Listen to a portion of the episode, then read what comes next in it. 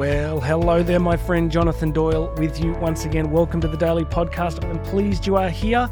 I say it every day, but I am stoked. I uh, am so curious about the listeners all over the world. We have such a diverse audience. People often say, you know, you should niche down.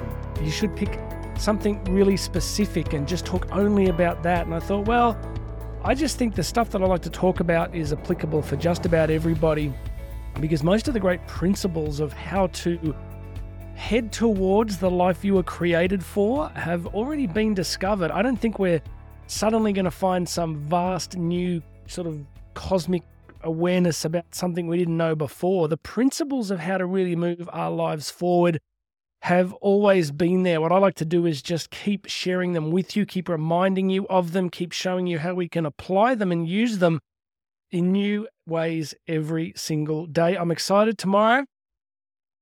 I'm going to Sydney because I'm going to uh, be at an event with Gary Vaynerchuk, Gary V. Some of you be familiar with him. Looking forward to hearing what he has to say. My daughter, who is only 15, has actually started her own company and uh, she's doing well and she's just a boss and she wants to go and uh, and hear Gary V talk about entrepreneurship. So that's what I'm going to be doing tomorrow. So if you're not following me on Instagram, uh, come across to J Doyle Speaks. J Doyle Speaks. Um, just do a search there. There should be a link in the email or here on the podcast platform. You should find a link to Instagram. Come and follow that. So I'll show you the journey from about 4:30 a.m. right through the day, and uh, let you know what I learn. You know, it's a good principle just to constantly put yourself in places where there are people that you want to hear from and who are going to push you forward. You know, choose your environments I would go with Karen and the kids to various conferences every single year. I reckon I, my gosh, I don't know how many I would do in a year. You know, uh, just really big events and, and church conferences and motivation conferences. I just keep showing up. I'm 50 this year, but I ain't finished learning. So I do want to encourage you to put yourself in situations where you are going to be encouraged, inspired. You're going to learn stuff because um, I think in this changing world and changing economy, it's really going to be about knowledge and creativity. I think are going to be crucial. I'm doing a lot of work in the AI space, particularly as it relates to education. And, you know, everyone's asking two questions about AI. Number one, is it going to kill us in our sleep? And two, is it going to steal my job? Uh, I don't know the answers to either of those just yet. I'll keep you posted. What I do know is that human creativity is the thing. It's a very powerful thing. And putting ourselves in situations where we are learning and growing and developing is just so crucial to being marketable, being a useful, valuable person in this changing world, changing economy. You know, I look back to say the Industrial Revolution starting in the, uh, you know, finishing. I mean, they talk about a second Industrial Revolution, but, you know, through right through into the 1860s was just utterly disruptive, right? So probably from 1780s right the way through the invention of the steam engine. Yeah, I've been reading on this lately for a talk I'm doing in September, and and it's just the disruption that took place was seismic. And so some people are saying that the AI stuff's going to be at least as big as that. Who knows? But all I'm saying at this point is keep learning, keep growing, keep choosing to know stuff. Okay. And no matter how old you are, I don't care how old you are. Some of my listeners are in their 80s, some are, you know, in their teens. But if you're an older person, a wise figure, I should say. Keep learning. All right. So, listen, I wanted to let you guys know I got a cool email yesterday just about somebody who, uh, I loved how they finished their email. Can I, can I just read you that part? It was such a blessing to read it. So, um, the last line really touched me. It said, So if you ever have a day when you wonder, Jonathan, is anyone listening to this stuff or did this help anybody? The answer from me is a big resounding yes. Thanks again and it was a beautiful email and it was somebody who's been doing something hard. I posted on Instagram yesterday just about the crucial need of doing hard things. And this is somebody who's doing something challenging. Uh, you know, they're, they're, they're doing something difficult. And the difficult things we do are relative, right? For some people, difficult is climbing Mount Everest without oxygen. For some people, difficult is not eating dessert. Seriously. And personally, I don't think there's a great deal of difference it's just relative. It really is. I know some of you'll disagree. You're going, Jonathan, you're telling me ice cream and Everest are the same. Well, you know, existentially, yes, in the moment, like, you know, if you're near the summit of Everest and uh and you're without oxygen and you've had that goal for years, it's a huge challenge, right? It's really taken everything you've got.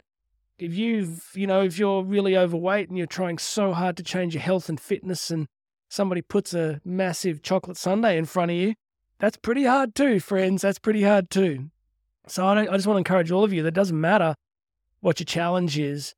It's just true that we're all facing difficult, hard things and the ability to do these things and to hang on in the moment. And that's kind of what this person's email was about. And a little bit of what I want to talk with you about now is another principle that I really want you to be thinking about as you look to develop and grow in your life is so often the breakthrough point is is really at the point of genuine difficulty and challenge. It's at that point of you're being really tested and stretched and you want to quit or you want to run to something, you know, you want to avoid. I talked about that 2 days ago where we want to go to a, to alcohol or to the internet or to shopping or to something or food or distraction or procrastination.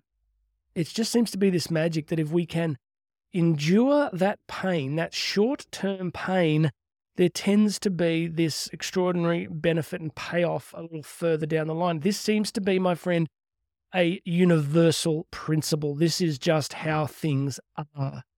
So, to back that up, I want to go back to one of my all time favorite thinkers, Alfred Adler, um, who I just think is quite brilliant and brilliant psychotherapist and just a good guy. You know, like some of those psychotherapists from the uh, 19th century on were pretty kooky. You know, people often talk about Maslow, Maslow's hierarchy of, hierarchy of needs. He was a strange cat.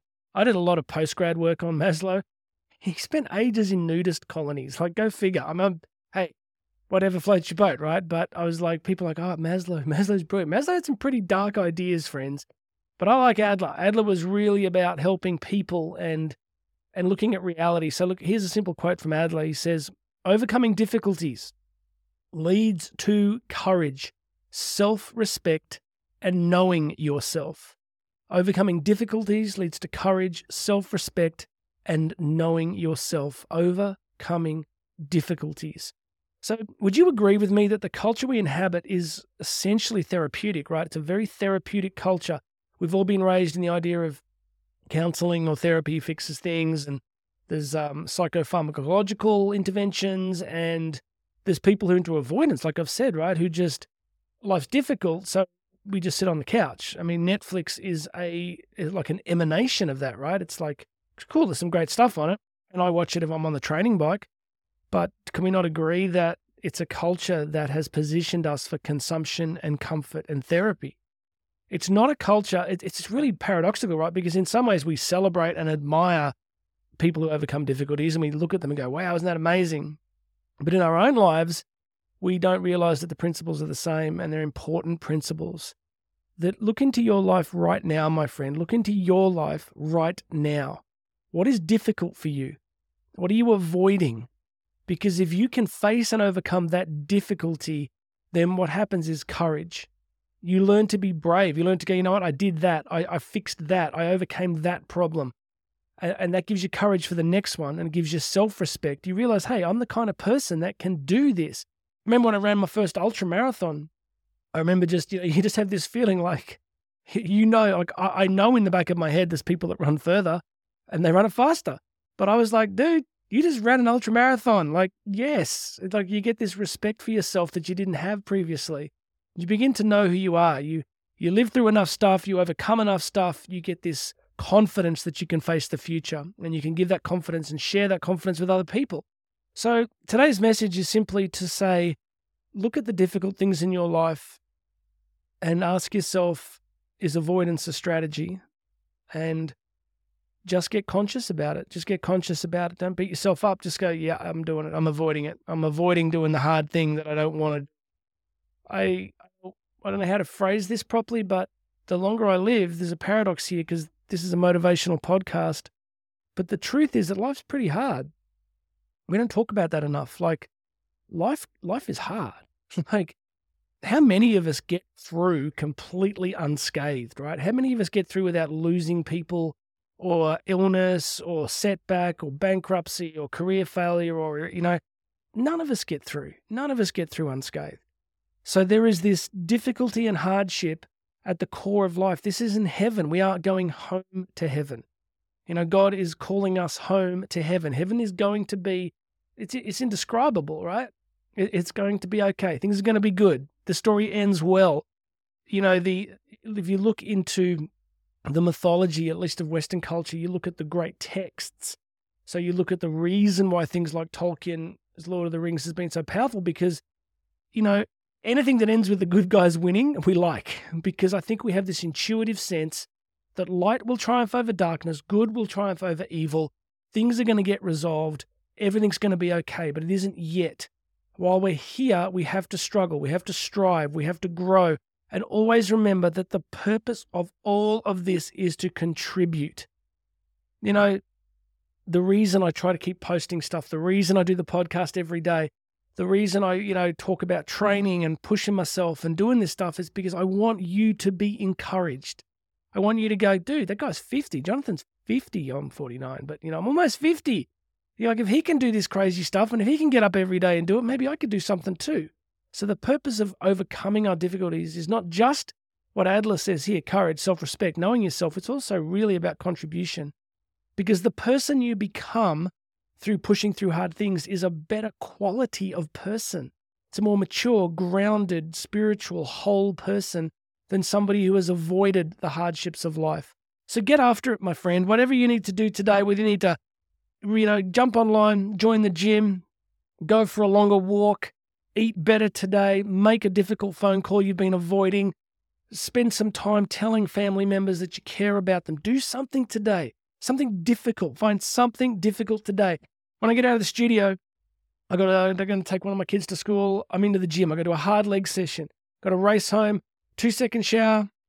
I'm going back into the National Library. I've got to get through, I've got to finish one book on philosophical anthropology, and I need to read another 100 pages of a book on AI. And I've written those as goals. I've got to get it done. Personally, I'd like to watch Netflix. I really would. I, I would like to just eat and sit on the couch and stretch and maybe sleep. but I'm not going to do that. I'm going to do some difficult things today. Difficult things. The reason I'm doing them is because the reading sows into the speaking. The speaking allows me to bless people and live a more full life. So that's me. That's what I'm going to do today. Get after it, my friend. All right. From me, please make sure you've subscribed to this podcast. It does make a difference. It really does. So hit subscribe, leave a review. If you're on Apple Podcasts, something, leave a review. And um, look, go check out the website, jonathandoyle.co.co. You can book me to speak live at your conference, school, church, business event, whatever uh, go check that out. The website's really cool. And of course, Instagram, John uh, J Doyle Speaks. J Doyle Speaks on Instagram. And uh, there's a whole bunch of other links here that'll be a blessing to you as well. All right, my friend, thank you so much for listening in today. Um, I'm probably going to be off the air tomorrow, but uh, follow me on Instagram and you'll see the journey with the Gary Vee conference. God bless you. My name's Jonathan Doyle. This has been the Daily Podcast. You and I are going to talk again tomorrow.